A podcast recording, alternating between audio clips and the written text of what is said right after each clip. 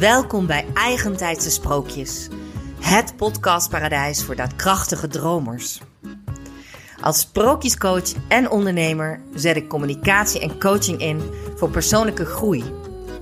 Met hulp van sterke rolmodellen en krachtige verhalen moedig ik je aan om vrij, verbeeldingrijk en vol vertrouwen je eigen sprookje waar te maken. Mijn naam is Lapol en mijn magische missie: No Fear, No Fairy Tale. I might have a gypsy soul,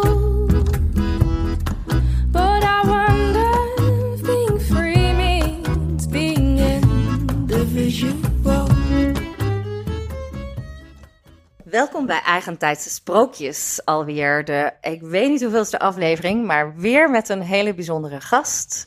En dat is dit keer Joyce van Bergen. Voor wie haar niet kent, zij heeft de Yoga Revelation. En Joyce, jij mag jezelf introduceren. Dat vraag ik al mijn gasten. Want dan weet ik tenminste dat ze het goed doen en zoals zij zelf willen. Heel goed, dankjewel. Mijn naam is Joyce van Bergen, eigenaar van de Yoga Revelation. Eh, het is een yoga studio in Geleen. Ehm, ik heb hem nu drie jaar, iets langer dan drie jaar. En de meesten die ons kennen, die kennen ons echt van de echte hardcore Ashtanga yoga. Dat is ook hoe wij elkaar hebben leren kennen. Um, maar de onderliggende gedachte is wel dat we yoga inzetten als een tool voor uh, een heel krachtig, maar ook succesvol leven. Uh, de fysieke yoga practice is daar één van, uh, maar er zijn natuurlijk nog meerdere middelen. Dus waar wij op focussen in onze studio is ook echt meerdere programma's uh, ja, die daaraan bijdragen. Dus niet alleen fysiek yoga doen op de mat, want dat doet niet alles voor je. Daar zijn we inmiddels achter. ja, dat kan ik ook volledig beamen, want ik heb vorig jaar heb ik een programma bij jou gedaan. Ik heb ook een persoonlijk programma bij jou gedaan. En dat heeft me echt um, veel opgeleverd. En vooral, ik noem jou, noemde jou net, en dan ga ik herhalen, de queen of discomfort. Op dat vlak heb je me echt wel een stuk verder geholpen om juist um, ja, dieper in, in het discomfort te gaan. Hè? Want we willen vaak, en daar gaat het sprookje natuurlijk ook voor een deel over, en ook de misvattingen over het sprookje, dat altijd alles maar leuk en aardig moet zijn. En um, daarom, en ik, ik heb jou deels uitgenodigd omdat jij inmiddels echt wel met die Yoga Revelation een super succesvol concept hebt neergezet. En ook een heel succesvol bedrijf hebt. Waarin je ook aan het diversifieren bent op dit moment. Maar ik wil wel met jou eerst een stuk teruggaan um, naar. Um, ja, eigenlijk voor jouw sprookje. En, en uh, hoe jij bent begonnen, hoe jij eigenlijk jouw oproep tot avontuur in het leven, waardoor jij moest veranderen als persoon, ja, wanneer dat is geweest en hoe dat is gekomen. Ja, ja. dan gaan we terug naar de tijd dat ik bij Sebik werkte. Uh, dus dat is uh, vier jaar, vier, vijf jaar geleden ongeveer. En ja, ik liep daar al een aantal jaren rond en diep van binnen. Maar goed, hoe vaak zeggen we dat niet? Ja, dit is eigenlijk niet waar ik voor gemaakt ben. En ik zou heel graag iets anders willen. Maar ja, zo liep ik daar ook rond. Alleen ik had niet helder wat dat dan moest zijn. En Want wat deed jij bij Sabik? Ik had op het laatste, het was best een leuke rol die ik had. Ik was een soort internationale uh, trainingscoördinator. Dus ik regelde en faciliteerde allerlei trainingen over de hele wereld. Um, ja, Lean Six Sigma, dat kan je iets zeggen, maar ja. de meeste mensen niet. Um, dus dat was wel een hele leuke rol, want ik mocht heel veel eigenlijk, ja, wat ik nu ook als ondernemer doe, pionieren. Dus het was iets nieuws. Dus ik moest elke keer ja, gaan bedenken, hoe gaan we iets aanpakken? Wie hebben we daarvoor nodig? Dus dat was wel heel erg leuk en dat komt natuurlijk ook goed aan pas uh, als je ondernemer bent. Dat wel. Ja. Maar um, ja, het was het niet. En dan kun je, en wat doen we dan altijd? Dan gaan we proberen om andere dingen uh, binnen de bestaande structuur te veranderen.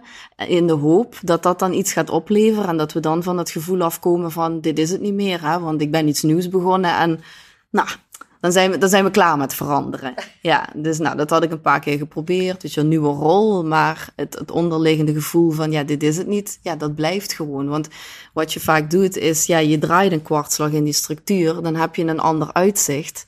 Mm. En dat voor een paar maanden is dat satisfying. Maar op een gegeven moment, ja, je voelt toch van, het, het is het niet. Hè? Meestal moet die hele structuur aan de kant. Nou, en hoe dat bij mij is ontstaan, ik was op een gegeven moment eh, coördinator van een of ander sportprogramma. Eh, door dat sportprogramma wilden ze innovatie stimuleren binnen de campus van eh SABIC en de omliggende bedrijven. Dus op zich een hele leuke klus, want ik was toen nog graag met beweging bezig, maar toen nog echt hardcore trainen, dus niet zozeer met, eh, met Ashtanga yoga. Maar ehm, ik moest wel, eh Ashtanga Yoga was een van de eh, bewegingsprogramma's. Dus dat moest ik ook ja, uitproberen om te kijken of dat dan eh, ja, aan, de, aan de doelstelling bijdroeg.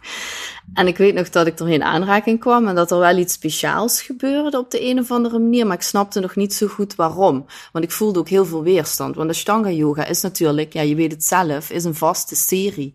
Hè, die je elke keer, dus houding na houding, eh, dag na dag, doe je elke keer dezelfde oefeningen. En ik voelde ergens een enorme weerstand, maar tegelijkertijd, het trok me ook. En eh, het grappige was dat op een gegeven moment merkte ik dat, dat ik 's ochtends vroeger op ging staan. Nou ja, dat, eh, was, in die tijd was dat echt eh, ongelooflijk, want ik rolde echt op het allerlaatste moment mijn bed uit en dan zo door naar het werk. En dan viel ik echt zo in de dag. En op een gegeven moment merkte ik dat ik 's ochtends eerder op ging staan en dat ik dan eh, boven op de zolder had ik dan een ruimte. En dan was ik daar mijn oefeningen aan het doen. Want ik merkte dat deed gewoon iets eh, voor me. Ik voelde me ja, fitter, maar ook dat ik meer focus had en dat ik ehm, ja, wat meer bestand was tegen de mening van anderen. Dat ik wat meer voor mezelf kon gaan staan en, en steeds vaker dingen zei dat ik dacht van, oeh, heb, heb ik dat gezegd? oeh, dat zei ik echt wel op. Oké.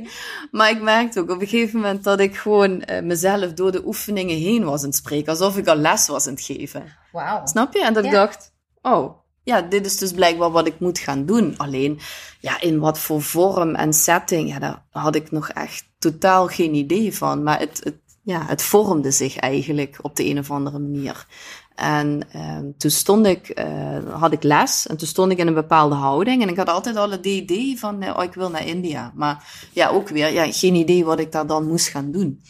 En op een gegeven moment stond ik in een bepaalde houding en toen dacht ik, ja, ik moet natuurlijk naar India om yoga te gaan doen, hè?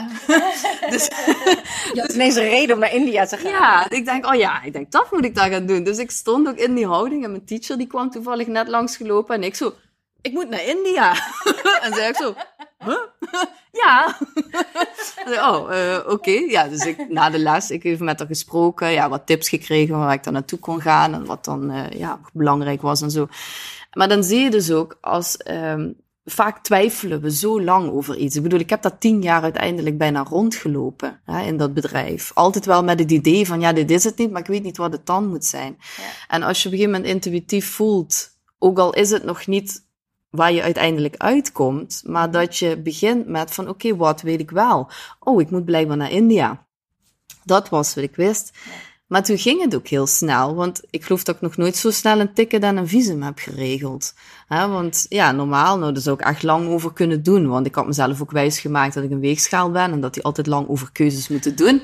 Maar als je het over identificaties hebt, hè, waar identificeer je je mee? Ja, weegschalen moeten altijd ellenlange discussies met zichzelf voeren de keuze die ze maken. Ja.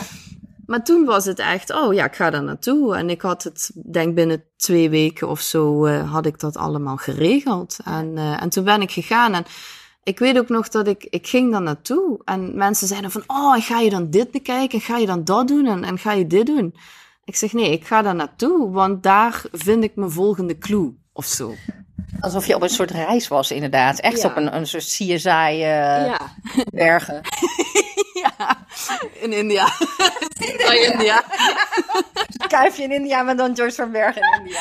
Ja, maar dus ik had ook totaal geen verwachting wat ik daar zou aantreffen. En ook, ik denk, ja, en als ik me daar dan eh, kut en alleen voel, dan voel ik me kut en alleen, maar dan is dat blijkbaar ook belangrijk of zo. Dus ik denk, ja, Ja, want je vertelt eigenlijk wel iets heel belangrijks. En ik ben ook blij dat je het zelf benadrukt. Want eh, je kunt inderdaad tien jaar soms over dingen nadenken. En ineens is het er dan. ja. En, en bij jou gebeurde er echt ook fysiek ook iets? Of ik bedoel, had je, kreeg je andere gedachten? Of ehm, ja, kan je daar nog iets meer over vertellen? Ehm, nou, ik kan wel het onderscheid maken. Wat ik zelf heel vaak gebruik is eh, intuïtie en ego. Want dat is wat er op zo'n moment gebeurt natuurlijk. Ja, intuïtief is het eh, gewoon dat hele zachte stemmetje wat zegt, ik moet naar India. Dat, dat, dat is gewoon een soort dieper weten. Dat, dat valt ergens in je lijf ook of zo. Ja, bij mij valt het dan gewoon hier in mijn buik, denk ik. En als je dan eh, dat hebt, voor jezelf hebt bedacht, dan is het ook heel stil op de een of andere manier. Omdat het een dieper weten is. Ja, dat is gewoon je intuïtie op dat moment wat spreekt, als het ware. Maar tegelijkertijd, wat meestal gebeurt, is het ego komt daar overheen. Hè, want het ego probeert onze identiteit, dus wie we op dat moment zijn, te beschermen. Ja, die zachte buil hangen, hè. als die naar India gaat, ja, die komt niet hetzelfde terug. Ja. Dus tuurlijk is er dan een stem. En ik bedoel, nu kan ik het heel goed uitleggen. Toen deed ik het, maar ik had geen idee hoe het werkte. Dus het, het stukje van de mind, daar ben ik wel wat beter in geworden om dat uit te leggen ook. Want ja, dat is mijn werk natuurlijk. Maar tuurlijk komt er dan zo'n stemmetje van, oh, dan moet ik vluchten gaan boeken. En ja, ja, via Mumbai dan, of een andere route. Of ja, zou ik dan die dag eh, vertrekken? Of misschien toch die dag? Of oh, ja, dan moet ik wel nog vrij regelen. Dus dat zijn allemaal praktische, logistieke dingen. En allemaal heel, eh, ja, gewoon tastbaar. Redenen, excuses dan weet je al, dat is ego. Dat probeert gewoon eh, ja, de boel in de war te schoppen. Want, op, en dat is ook zo gebleken natuurlijk, ik ben niet meer dezelfde persoon eh, van voor die reis. Ja. Dus mijn identiteit is helemaal veranderd en het ego probeert dat te beschermen. Maar intuïtief was het zo sterk blijkbaar. En dat voel ik, eh, dat, dat weet ik ook van mezelf. Dat als het intuïtief zo duidelijk is, ja, dan is het ellebogenwerk en eh, hop, Gaan. en gaan. Ja. niet wetende wat ik daar ging doen dus, eigenlijk. Ja, want dat is nog wel een stap. Ehm, dat kenmerkt op de een of andere manier wel, vind ik in ieder geval de vrouwen die ik interview. En ook eh, zeker wel ervaringen. Hè. Ik moet aan mijn eigen Camino denken. Ik heb ooit eh, vanuit Zuid-Frankrijk die pelgrimstocht gelopen. En die beslissing heb ik ook gemaakt toen ik in een film zat. Ik zag die film. Het ging over de weg naar Santiago. Ik was eigenlijk ook al een paar maanden aan het zoeken. Want ik was niet meer helemaal happy in mijn eh, freelance job destijds. En eh, ik zag die film. Ik werd geraakt. Ik begon te huilen. En ik zei: Dit moet ik doen. En ik heb de drie maanden daarna alles in het werk gesteld om het te doen. Mijn huis verhuurd. eh gedag gezegd tegen mijn opdrachtgever. Ook gewoon alles achter me verbrand eigenlijk. Weet je wel? En het gekke was dat ik het wel gewoon gedaan heb. En ik denk dat er zit wel een verschil ergens misschien. Want of denk je dat iedereen die zo'n moment heeft, eh, dat ook daadwerkelijk dan gaat doen? Nee, dat denk ik niet. En dat, dat zie ik ergens ook in mijn werk. Dat, eh, dat geldt niet voor iedereen. En sommigen doen er misschien wat langer over, sommigen doen er korter over. Ehm, maar jammer genoeg geldt dat niet voor iedereen. Nee, dan is het ego toch te sterk. En ja, dat is eigenlijk heel erg zonde. Ja. Ja, absoluut. Ehm, je, bent dus, je hebt die beslissing in ieder geval wel genomen. Mhm. Je ge- bent naar India gegaan. Ja. En toen? Ja, en toen? Toen kwam ik aan en dan ben je jetlagged. En dan is het warm en dan zit je daar. En dan denk je, wat de fuck doe ik hier? Ik wil terug. Maar dat is ook weer ego natuurlijk. Dat wist ik ondertussen wel van eerdere vakanties. Hè, dat ik denk van, oh ja, dit heb ik altijd. Ook als ik naar Spanje ging vroeger. Dus eh, ga maar gewoon eerst slapen en dan, en dan zien we wel. Dus ehm, Had je wel een plan? Nee, ik had geen plan. Nee, ik had ook niet, bedoel, ik had geen weken de tijd of zo. Ik kon twee weken vrij nemen, dus in die twee weken moest het gebeuren. dus ik was ook, ik ben gewoon op dezelfde plek gebleven. Ik ben ook niet gaan rondreizen, want ik had zoiets van, dan ga je je focus weer verleggen extern. Ik bedoel, ik moet het met mezelf doen, dus laat me maar gewoon twee weken op dezelfde plek zitten en dealen met mezelf. In plaats van dat ik elke keer naar een nieuwe plek waar ik weer nieuwe dingen zie en nieuwe mensen ontmoet. Dat is, kan ook leuk zijn, maar dat was mijn doel niet. Dus ik denk, ik kan beter op één plek blijven. Dan kan ik de, de tijd maximaal benutten ook om ja, die volgende aanwijzing te krijgen of zo. Ja, zo is het, denk ik. Want het was ook niet zo dat je daar bijvoorbeeld heel veel mensen gaan naar India en gaan dan eh, in een of andere ashram gaan ze les krijgen van een Ja. yogi of naar een guru. Dat had jij niet. Ik zat wel op een plek waar je dagelijks eh, yoga kon doen. Maar ik moet ook eerlijk zeggen, het was gewoon een high-end resort. Hè. Dus het was, ik heb echt niet... eh, dat dan, zo ben ik dan ook alweer, hè? Discomfort in comfort.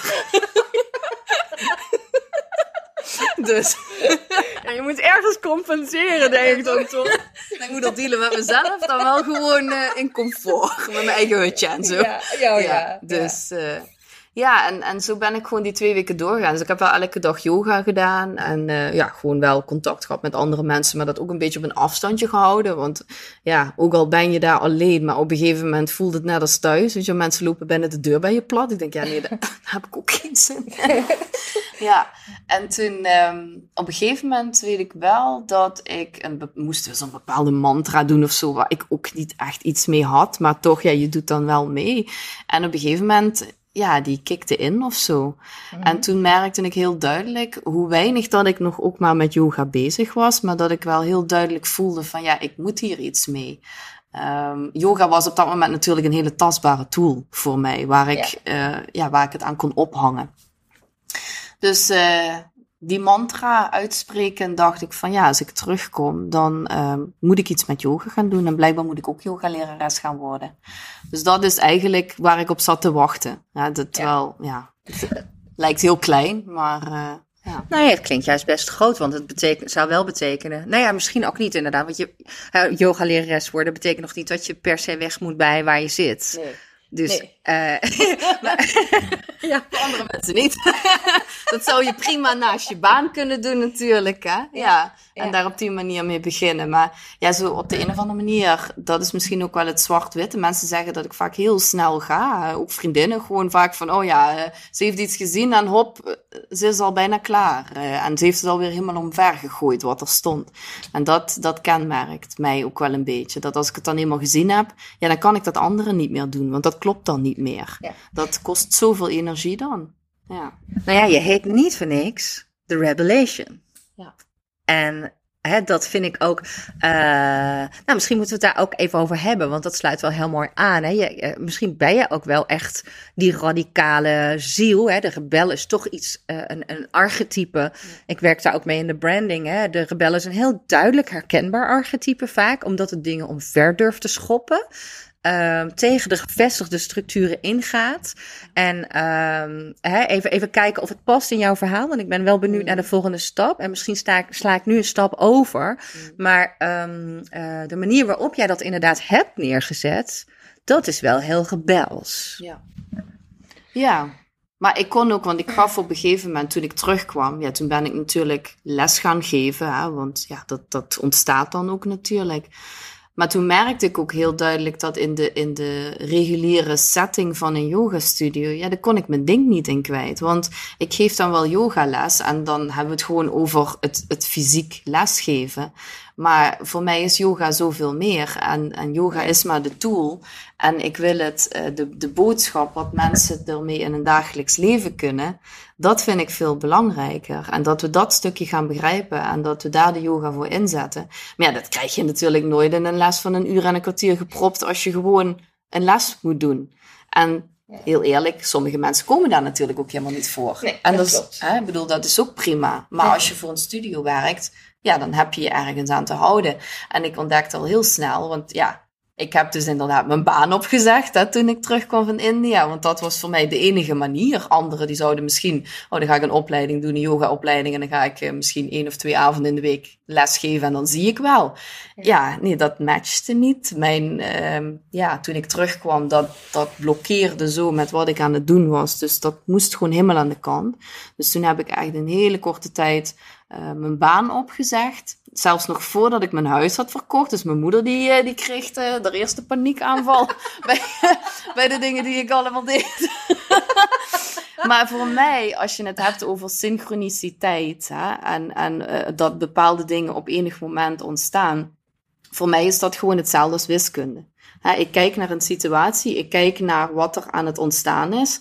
En ik wist heel duidelijk waar ik naartoe moest. Dus um, dat huis verkopen, ja, dat, dat ging gewoon gebeuren in die tijd. Ook al was er op dat moment wel een koper, maar die kreeg die hypotheek niet rond.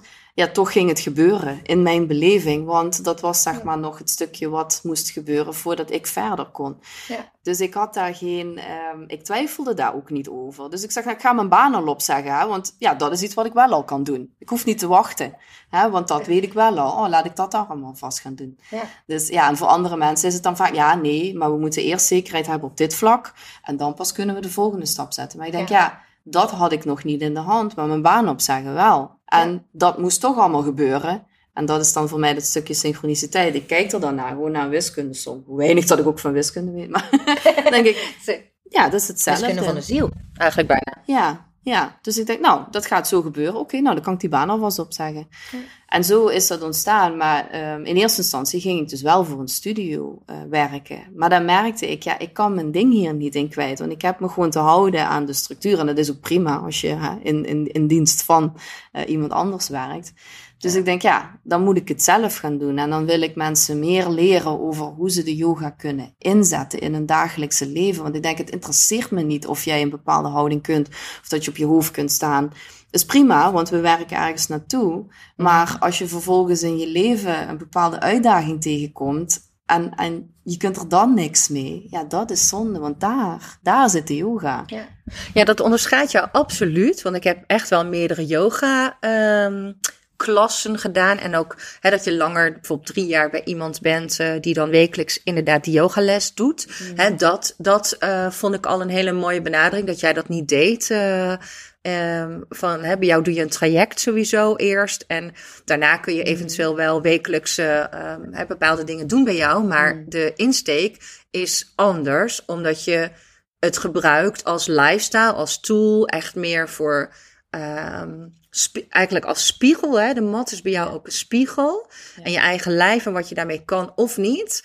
En ik moet ook zeggen, eh, eh, en dat weet jij natuurlijk, hè, dat ik daar enorm ehm, door geconfronteerd werd met mezelf. Omdat mijn, ehm, ja, hoe zal ik het zeggen, mijn criticus. Of, of ik, ik, ik verlangde heel veel van mezelf. En ik kon eigenlijk niet zo goed de ruimte pakken om ehm, de Ashtanga op een niveau te doen van een kleuter, bij wijze van spreken, in plaats van op het niveau van een volwassene. Iets in mij verlangde gewoon dat ik dan ook meteen al die oefeningen goed kon. En ehm, daar hamer jij in die zin echt wel op, hè, eh, van nee, daar gaat het niet om. Dat onderscheidt jou echt, vind ik, van, van, de, door, van de gemiddelde yoga-docent. En eh, ja, je zegt ook van die filosofie, dat, dat zit dus eigenlijk ook al vanaf het begin in jou. Ehm, ja, z- hoe- hoe- zeg ik dat goed? Vat ik dat goed samen? Ja, ik denk wel dat eh, ik daar zelf nog een stuk milder in ben geworden. Hè, dus als ik kijk naar Ashtanga yoga is natuurlijk best een rigide systeem. Hè, even Ja. voor de mensen die er echt niks van weten. Ehm, het is de bedoeling dat je zes dagen in de week practice, 52 weken in het jaar, dat je zelfstandig onder begeleiding dus eh, die practice gaat opbouwen en er houdingen bij krijgt. Maar dat is natuurlijk best pittig. En ik Ja. denk, als je kijkt naar ook wie ik eh, voorheen was, ja, ik was heel zwart-wit. Het was alles of niks. En daar had ik me mee geïdentificeerd. Dus dat was de enige manier. En gaandeweg natuurlijk, eh, ik stond mezelf daarin in de weg. Want ik kon op een gegeven moment niet eens meer aan mijn eigen eh, standaard voldoen. Hè, dat heb ik zelf ook al gemerkt. En ik denk, op een gegeven moment begon ik Ashtanga ook anders te gaan zien en anders te gaan benaderen. En het jammere vind ik van, zeker van Ashtanga yoga, is, ehm er zitten heel veel identificaties in. Als je het hebt over yoga, zou eh, het loslaten van allerlei identificaties moeten zijn onthechten echt. het onthechten, maar ehm, het is bijna net zoals in de kerk, zo van ja, aan die en die en die regels moet je voldoen. en ja, anders kun je verlichting wel vergeten, hè? Ik bedoel, daar zit het er niet in voor jou. En dat is wel heel erg zonde, want eh, ik bedoel, er is eh, een periode geweest vorig jaar in mijn leven waarin best iets ja, pittigs is gebeurd, waardoor ik gewoon ook fysiek echt stappen terug heb moeten doen. En dan zou ik opeens niet meer Ashtanga waardig zijn, bij wijze van spreken. Dus ik moest ook een andere manier eh, gaan vinden om ja, wel mijn practice te doen, maar hem te laten ondersteunen aan mij. En, en ergens in mijn één op één trajecten was ik daar natuurlijk wel al mee bezig, maar nu werd ik gedwongen om daar eh, nog meer naar te kijken. Ja. Ehm, dus ik zie dat ook eigenlijk als iets heel moois wat, wat gebeurd is, uiteindelijk. Ja. Ja. En welke stappen heb je dan nu voor jezelf genomen eh, om het, eh, ja, want je zegt, hè, je hebt het over mildheid, eh, ook misschien een stukje juist persoonlijkheid van jou erin leggen. Hè? Want Ashtanga is natuurlijk wel ook een Ja. eeuwenoude methode die, eh, ja, die zichzelf al bewezen heeft. Ja. Ik heb trouwens gehoord dat, of heb jij me dat toen laten lezen, dat het ooit ontwikkeld is voor eh, juist wat jongere jongetjes. Oh, ja, die, ja, ja, hè? Schooljongens, ja, ja, was de gym toen. de gymles. Ja, dat verklaart wel waarom. eh, het is best een pittige vorm van yoga, inderdaad. Hè? En, en daar je eigen weg in vinden. Hoe heb jij dat er nu gedaan? Of hoe zie jij van, eh, is die doorontwikkeling? En is dat ook de schat die je hebt gevonden? Door deze reis aan te gaan met jezelf. Ja. Ja, sowieso. Ik ben op een gegeven moment ook gaan werken met een eigen teacher die er ook anders naar keek. Eh, die wel al die hele weg had afgelegd om er vervolgens achter te komen van, goh, dit is ook niet zaligmakend. En uiteindelijk het afronden van dit allemaal, ehm, dat op zich heeft niks voor me gedaan. Dus ik kon er op een gegeven moment, kon ik er anders naar gaan kijken. En ik denk dat ik in het begin toch wel heel erg me altijd vestigde op, ja, als ik dit eenmaal kan in mijn leven, hè, in de practice, als ik die houding kan, ja, dan, dan komt het goed. Als ik dat helemaal eh, geleerd heb, ja, dan ben ik er.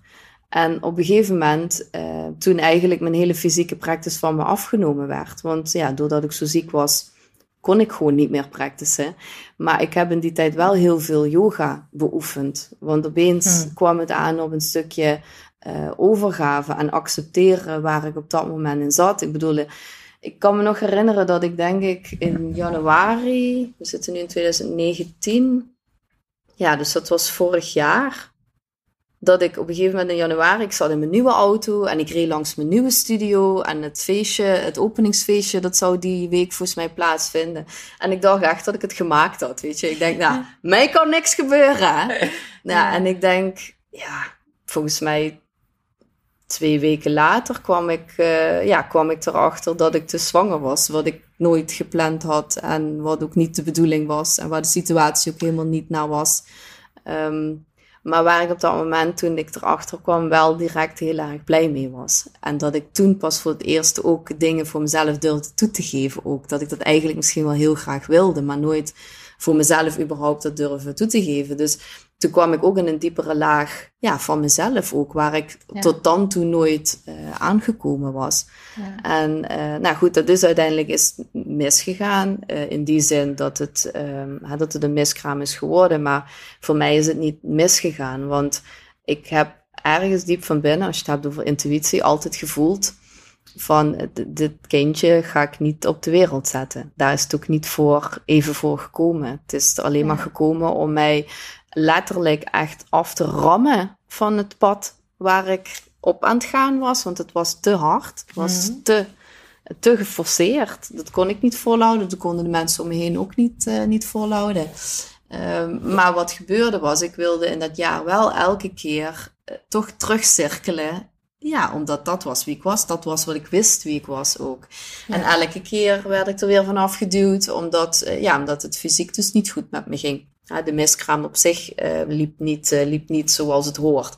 Dus ik heb heel vaak in het ziekenhuis gelegen. En eh, ja, gewoon echt, ja, heb je net een nieuwe zaak, net een flinke investering gedaan en dan kun je niet werken. En, dus dat was, ja, was echt pittig. Als even alles, zeg maar, waar ook je identificatie aan ophangt, van je af wordt genomen. Ja.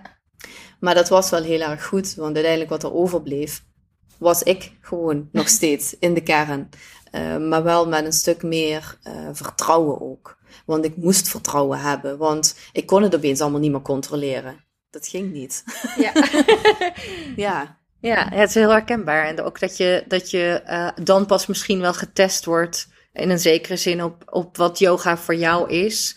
Hè, waar je echt diep in gelooft. En, en ja, het is heel mooi. Ik, volgens mij gaat welke vorm van verlichting of, of ja, noem het maar even verlichting, gaat er ook echt juist over. Dus, ehm, maar ik hoor je ook zeggen, en dat, dat ben, daar kan ik heel erg eh, beamen van dat bepaalde stappen tussendoor wel nodig zijn. Dat je wel eh, misschien eerst die, die ehm, hè, de straight line letterlijk moest volgen, het zwart-wit. eh, hè, zoals je huisstijl ook zwart-wit is. Gewoon, je, ja, dat, dat die radicale weg voor jou gewoon even nodig was. ja. En pas daarna kun je weer een nieuwe stap zetten. En het is natuurlijk heel dapper dat je wel uiteindelijk die stap neemt waarvan je voelt dat die op dat moment gewoon goed is voor jou. Hè, en en eh, ik denk dat inderdaad, ik zie veel eh, vrouwen in ieder geval. Ik werk ook met vrouwen, veel vrouwen net als jij. Wel wachten. En ik, ken nog, ik herken het ook uit mijn eigen leven wel. eh, soms te, te lang wachten. Of te denken van, wacht even, dat niet zien als een tussenstap, maar eigenlijk alleen maar met dat einddoel bezig zijn. ja. Eh, ja, hè, dat, Ja, maar het, het einddoel kunnen we nooit zien. En Nee. dus zijn we niet bereid om eh, die kleine stapjes die onze intuïtie op dat moment aangeeft, om die te pakken. ja. Ja, als ik met vrouwen werk en, en hoe vaak zeggen we niet, ja, ik weet het gewoon niet, ik weet het allemaal niet. Hè?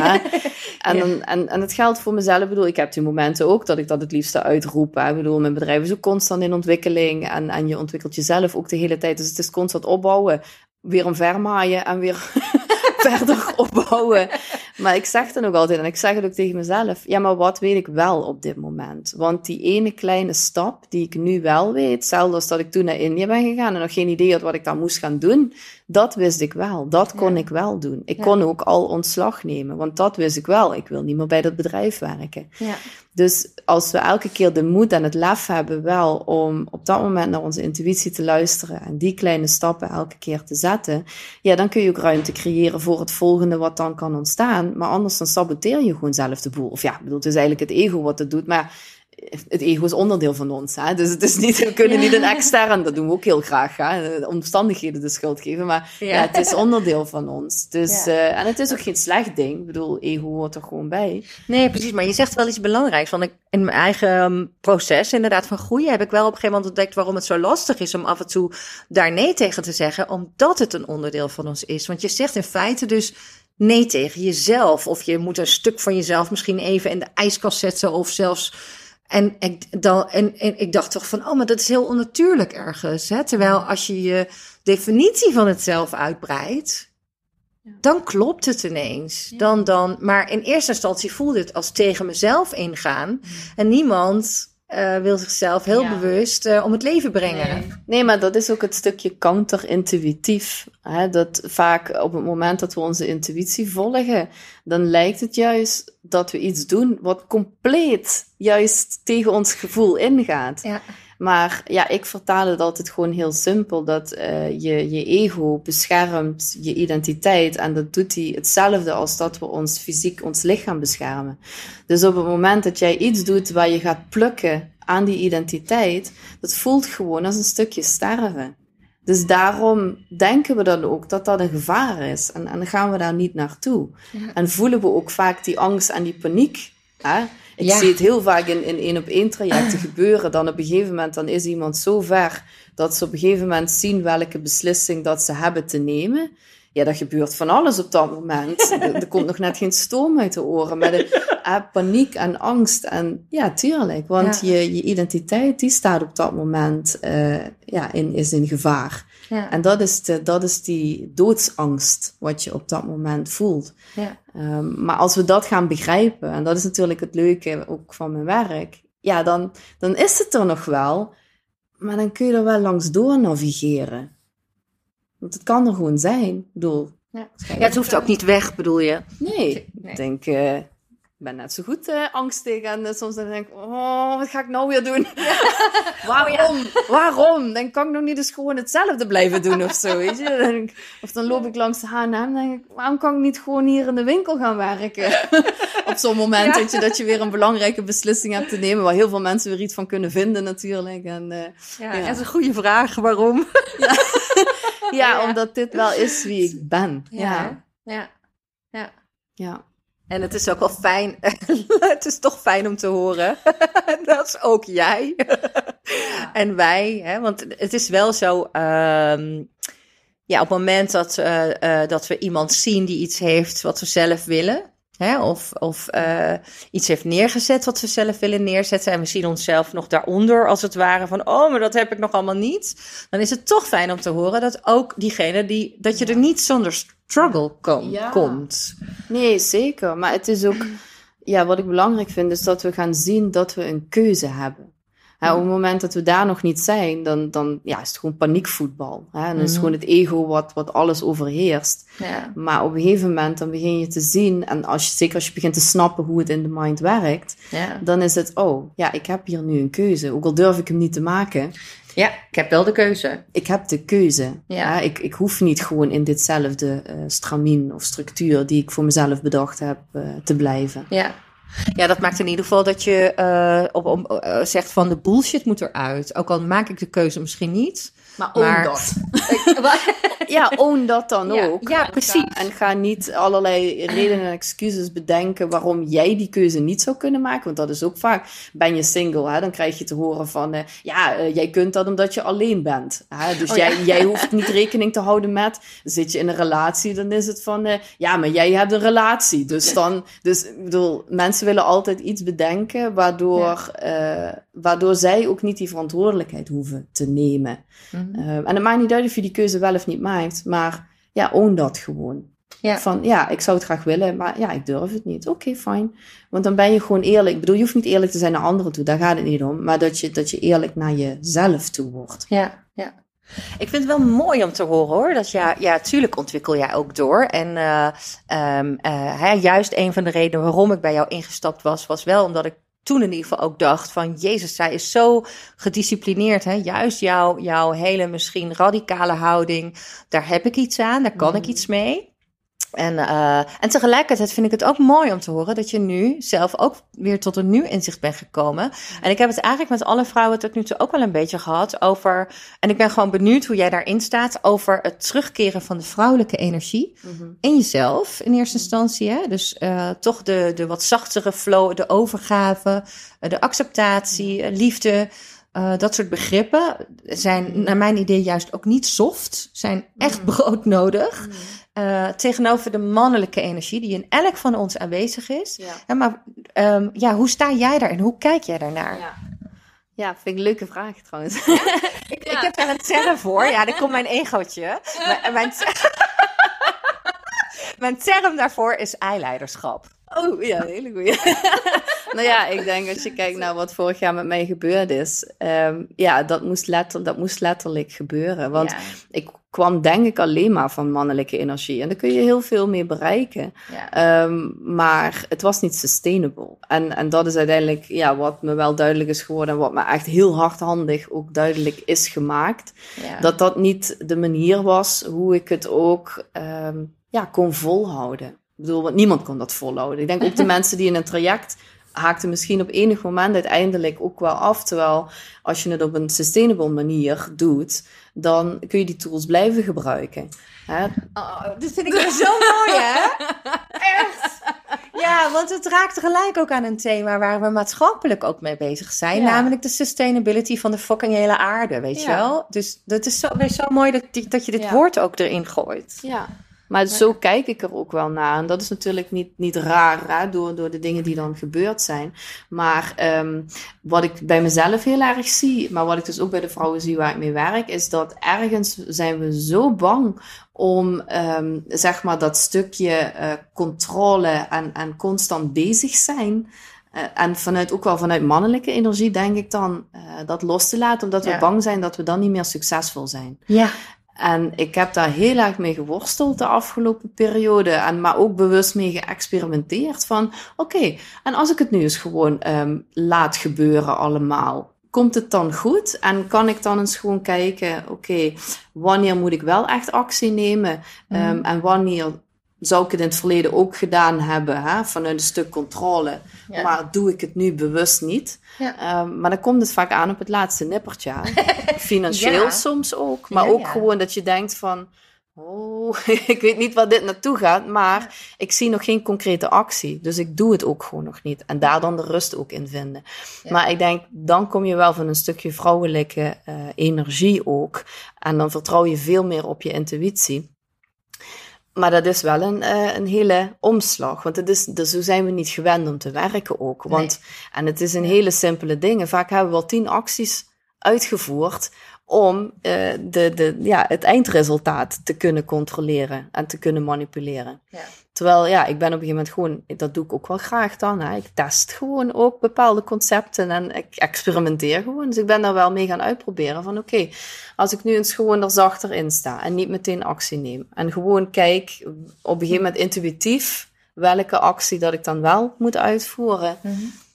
Ik kom tot hetzelfde resultaat. Alleen voordat mijn ego, ik bedoel, en misschien denk ik, worstel ik er nog wel eh, mee, maar voordat mijn ego eh, dat oké vindt. Want ja, dat is natuurlijk een hele omslag. Hè? Ja. Als je dat, die, die drive en dat duwen en dat pushen, wat je zo gewend bent, ehm, hè, om dan ook altijd maar naar jezelf te kunnen zeggen van ja, maar ik ben wel goed genoeg. Want dat zit er dan vaak ook nog achter. Om dat los te laten, ja, dan laat je wel een heel groot stuk van je identiteit los. Hè? Dus dat is geen makkelijke. Nee, dat, dat, is echt, dat is echt de overgave, zoals ik het zie, aan iets buiten jezelf, binnen jezelf, iets groters, iets jij. Hè, je, want eh, ik ben het met je eens, het is ergens zo, eh, je, je voelt het, dus je bent in contact ermee. Hè, dus in zoverre is het binnen je. En tegelijkertijd zie ik het ook als. Ik heb het niet in de hand helemaal. Dus, eh, eh, en daaraan juist je durven overgeven. Ja. Dat, is, dat vergt inderdaad Ja. nogal wat. En, Ja. en, ja. Ja, maar ik zie het ook, want ik doe, ja, één op één doe ik dit, dit soort dingen dan ook bespreken en werken we daar naartoe. Maar iedereen heeft zijn schrikbeeld van wat er dan gebeurt. De een zit dan opeens thuis, hè, dus werkeloos en, en het bedrijf is failliet gegaan en moet dan opeens voor de kinderen alleen maar zorgen en verder zit er niks meer in het vooruitzicht. Iedereen heeft zo zijn schrikbeeld. Ja. Als we dat, dat, dat, dat pusherige en altijd bezig zijn en altijd actie eh, nemen om dat los te laten. En dat vind ik wel heel bijzonder, want er is echt wel een andere manier. Maar ik zeg niet dat het heel makkelijk is, want dan moet je best wel wat, ja. Ja. wat loslaten en een heel groot vertrouwen hebben wel. Dat, Ja. ja. want in, in zoverre ken ik ook wel het loslaten zonder het vertrouwen. Dus dat is ook doodeng. Dan gebeurt er ook wel in, in zoverre eh, iets wat, wat nodig is, maar is veel enger dan vanuit het vertrouwen dingen loslaten. En wat jij ook net zegt, hè, wat je heel, heel mooi benoemt, van vaak zit er ook nog eens iets onder. Als je geen actie onderneemt, dat je niet goed genoeg bent, dat je niet voldoet, of, of eh, dat je het niet kunt, of eh, dat je het niet Ja. weet. Ja. Ja, en ik denk dan ook, ja, own dat ook. Ja, want sommige dingen, ja, dat is misschien niet voor jou. is gewoon niet wat je leuk vindt of zo. Ja, own, own dat dan ook. Ja, en plus inderdaad, eh, soms weet je het ook niet. Gewoon. En ik denk dat het echt prima is om gewoon een tijd in een fase van niet weten te zitten. Maar we willen, we willen het altijd weten. Dus dan ga je heel dwangmatig naar een oplossing of een antwoord zoeken of een richting waar je dan naartoe moet bewegen. Geef gewoon eens toe, ik weet het niet. En ik weet niet hoe lang dat deze fase gaat duren. Meestal als je dat toegeeft, dan, dan, dan, dan is het één nacht en dan weet je het. Maar dat, dat voorlopig overgeven of voorwaardelijk overgeven, ja, dat helpt niet. Ja, ja, ik accepteer het. Ik heb het geaccepteerd hoor. Waar is mijn beloning? Ja, dat werkt niet. Je moet het echt. Je moet het echt voelen. Ja. Ja, dat klopt. Ja, het is, maar het is wel eh, frappant dat, dat het lijkt een collectieve beweging te zijn. Ik kan het ook verklaren wel, hè? En jij ook, denk ik, vanuit, Ja. ja, toch, eh, wat is het, 2000 jaar minimaal vrouwenonderdrukking. Hè, het onderdrukking van het vrouwelijke ook, moet ik zeggen. Want ja, ik, ik wil juist niet het de onderscheid ergens maken tussen de man en de vrouw, want het gebeurt in allebei. Ehm, maar ja, dat het wel degelijk aan de hand is. En als je durft, durft toe te laten, hoeveel... Ik bedoel, wat gebeurt er nu in jouw leven wat daarvoor dus niet had kunnen gebeuren? Nou ja, ik denk die hele omslag die ik nu met de studio. Nee, laten we eerlijk zijn, een relatie. Een goede, een echte, fijne, volwassen relatie. dat, dat als eerste. Ik bedoel, dat, dat had niet kunnen gebeuren anders. Nee. Dus, nou, en dat is iets. ehm, ja, waar ik ook bewust ruimte voor heb gemaakt. Want ik had zoiets, nou, natuurlijk weet je nog niet wie je volgende partner gaat zijn. Maar wat weet ik wel? Ja, dat wordt lastig met 80 uur werken. Dus laat ik nu maar al gewoon een assistant aannemen om tijd te maken in mijn leven. Want dat weet ik wel, dat kan ik wel. Dus ja, zo kijk ik ook weer eh, Ja. naar dingen. Ehm, het, het, het, eh, de gedachte van dat ik dus wel heel graag nog kinderen wil, ja, die, die had gewoon niet kunnen zijn als ik niet hier aan toe had gegeven. Dan had ik echt ehm, mezelf heel erg tekort gedaan om dat nooit toe te geven. Ja. ja. en of iets uiteindelijk gaat lukken, tuurlijk, dat weet je niet. Hè? Maar gewoon daarvoor uit durven te komen voor mezelf. Hè? En Precies. Dat, is al heel belangrijk. ja, absoluut. Dus dat.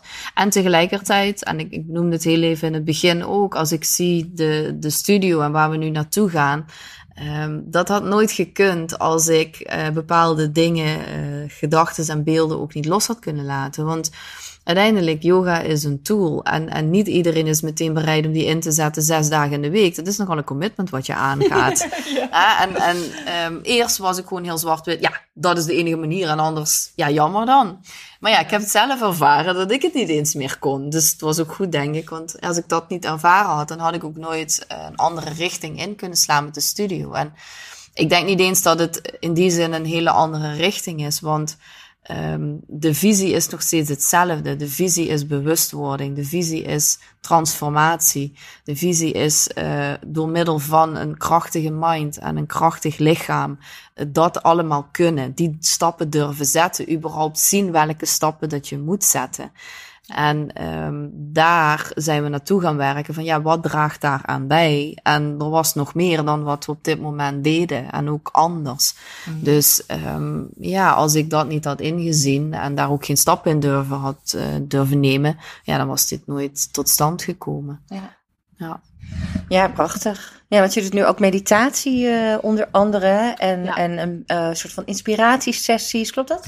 Ja, het is een stukje, kijk, uh, ademhalingsoefening is gewoon enorm belangrijk. En dat hoeft ook niet helemaal gelieerd alleen maar te zijn aan yoga. Hè? Mm. Want ik bedoel, uiteindelijk, los van of je yoga gaat doen of niet, maar als je alles bewust wordt van je ademhaling en door moeilijke momenten heen kunt gaan ademen, ja, hoe belangrijk is dat al? Ja. Dus dat vind ik een hele belangrijke. Maar daarnaast een stukje meditatie. Uh, wel op mijn manier. Dus uh, ik geef gewoon boodschappen door aan mensen. En dan kunnen ze misschien iets mee of niet. Maar dat is uh, hoe ik meditatie doe. Maar om een plek één keer per week te organiseren waar mensen gezamenlijk ook in die energie kunnen mediteren. Ja, ik vind dat gewoon heel fijn. Ja. ik doe dat ook heel graag. Um, we hebben gewoon reguliere yogalessen, maar die zijn altijd doorspekt van boodschappen van oké, en hoe kun je dit nou linken aan het dagelijks leven? Want ja, als een oefening gewoon heel ongemakkelijk is en het roept wat op, oké, kun je erbij blijven? En, en kun je dan ook in een moeilijke situatie, in een gesprek of zo, kun je er dan ook bij blijven? En hoef je niet te vluchten of te willen dat het over is. En constant die link maken, waardoor yoga gewoon ja, meer gaat leven. En dat, dat deden we natuurlijk in onze reguliere lessen al.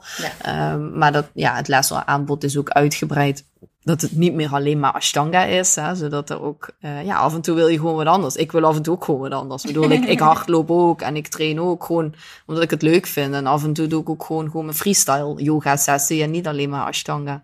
Dus ja. er zijn meerdere uh, wegen die naar uh, het roemen van verlichting leiden. en die willen we graag allemaal wel bundelen vanuit dezelfde visie wel. Ja. Prachtig. Ja. Mooie ontwikkeling. Ja, heel blij mee. Ja, ja echt. Ja. ja. je zit er heel stralend tegenover mij. Ja, is er nog iets wat je zelf kwijt wil, wat we niet hebben aangeraakt? Of uh, waarvan je zegt, dat wil ik, uh, dat moet nog gezegd worden? Nee, ik denk dat we eigenlijk gewoon alles gecoverd hebben wat, uh, wat er gecoverd moest worden. ja, dus ik heb geen aanvullingen, nee. Nou, mooi. Dan wil ik je gewoon ontzettend hartelijk bedanken voor je verhaal. Persoonlijke verhaal ook. En uh, ja, je heel veel succes wensen. En vooral heel veel verlichting en liefde. ik heb een extra lampje gekocht, hè? Ik ben helemaal verlicht. En wil je meer weten over Joyce van Bergen van de Yoga Revelation? Ga dan naar www.yogarevelation.com. Tot de volgende podcast.